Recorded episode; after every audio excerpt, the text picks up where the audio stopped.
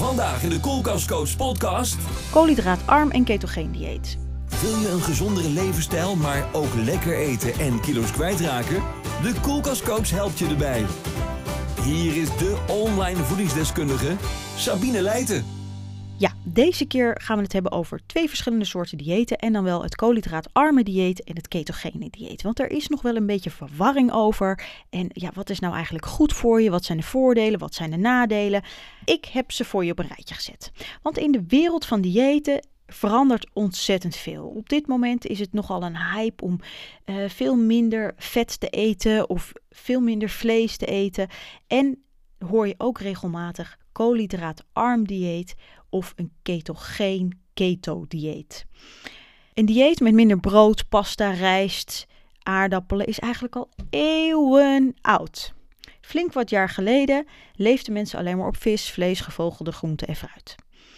Omdat er toen helemaal niks anders voorhanden was, aten ze ook niks anders. Geen brood, geen lekker pastaatje, al dat soort dingen. Nee, daar hadden ze allemaal niet van gehoord. Dus het was al een koolhydraatarm of ketogeen dieet. Nou, toen de industrie uiteindelijk in beeld kwam, ja, toen, toen gingen we allerlei dingen produceren. Toen gingen we meer brood maken. Toen gingen we allerlei producten maken uh, in de vorm van chocolaatjes, chips, al dat soort dingen. En ja, daardoor is ons dieet gewoon heel erg veranderd. En aten we gewoon steeds meer koolhydraten. Oké, we nemen eerst het koolhydraatarme dieet even onder de loep. Want wat zijn eigenlijk koolhydraten? Koolhydraten zijn suikers, zetmelen en vezels. Deze koolhydraten worden door je darmen omgezet en opgenomen tot glucose. Je hebt twee soorten koolhydraten, de snelle en de langzame. De langzame zijn bijvoorbeeld volkorenproducten, havermout, groenten, noten, fruit. Deze producten bevatten meer vezels en die vezels worden door je lichaam langzaam opgenomen, waardoor je bloedsuikerpieken minder hoog zijn. Dus vandaar dat het ook langzame koolhydraten heten. Die vezels geven je een voller gevoel en zorgen voor een langzame vertering. Eigenlijk het beste om te eten, want het is een win-win situatie voor je, voor je lijf. Want je hebt na het eten minder trek en je zal ook weer minder snel trek hebben. Nou, dus zilvervliesrijst, volkorenpasta, volkorenbrood, bulgur, haver, quinoa, groente, fruit, pulvruchten, al dat soort dingen allemaal langzame koolhydraten. Nou, en dan snap je natuurlijk wel dat de snelle suikers, waar je vaak een uh, opgeblazen gevoel van krijgt of een opgezette buik. Um, tenminste, dat zijn een hoop mensen die last hebben van winderigheid, gasvorming, slechte vertering. Dat is vaak een probleem van de ongezonde of de snelle suikers. En die snelle suikers zitten vaak of het meeste in witte producten. Dus witte rijst, witte pasta, wit brood, baksels, witmeel, aardappelen, chips. Nou, allemaal dingen met, eh, die sneller worden opgenomen met snelle koolhydraten, waardoor je bloedsuiker sneller stijgt, waardoor je weer sneller trek hebt in iets anders. Ik som ze nog even voor je op frisdank, brood, ijs, honing, witmeel, dus witte, wit brood, witte pasta, rijst, witte rijst. Allemaal producten die snelle koolhydraten bevatten, die dus heel veel invloed hebben op je gewicht en op je bloedsuiker. Oké, dus dat zijn koolhydraten. Dan hebben we het onderdeel van het ketogene dieet en dat is ketose. En wat is nu eigenlijk ketose? Nou, je lijf gebruikt voornamelijk koolhydraten als brandstof. Als je deze kraan dichtdraait, zal je lichaam zijn energie ergens anders vandaan moeten halen.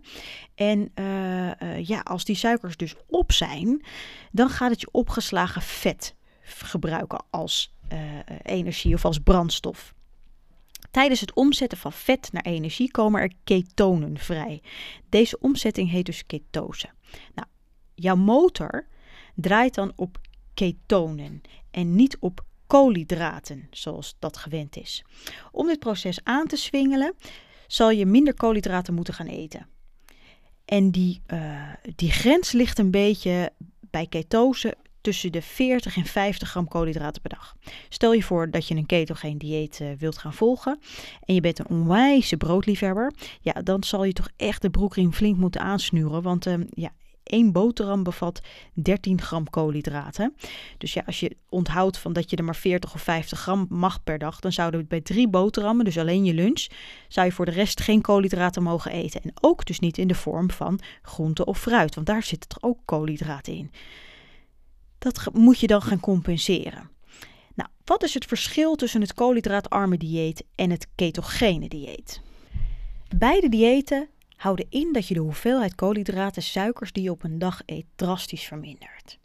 Dit om zoveel mogelijk het opgeslagen vet of de opgeslagen suikers aan te spreken als brandstof, wat weer leidt tot vetverbranding. Er is een verschil tussen beide diëten, want het koolhydraatarme dieet, daar ligt de uh, nadruk vooral op minder koolhydraten in de vorm van brood, pasta, rijst, aardappelen, dat soort dingen. En meer eiwitten te eten en een normaal aantal vetten op een dag. Bij het ketogene dieet ligt de nadruk vooral op de vetten. Dus dat wil zeggen dat je meer vetten eet in verhouding tot de eiwitten en de koolhydraten. Nou, de voordelen van zo'n dieet, hè, van beide eigenlijk, is dat je je opgeslagen vetten aanspreekt. Hè? Die ga je dus verbranden. Je zal iets minder last hebben van die energiedipjes, omdat je dus minder koolhydraten eet. Ook mensen die last hebben van een glutenintolerantie of reacties van gluten, die worden een stuk minder doordat je minder koolhydraten eet.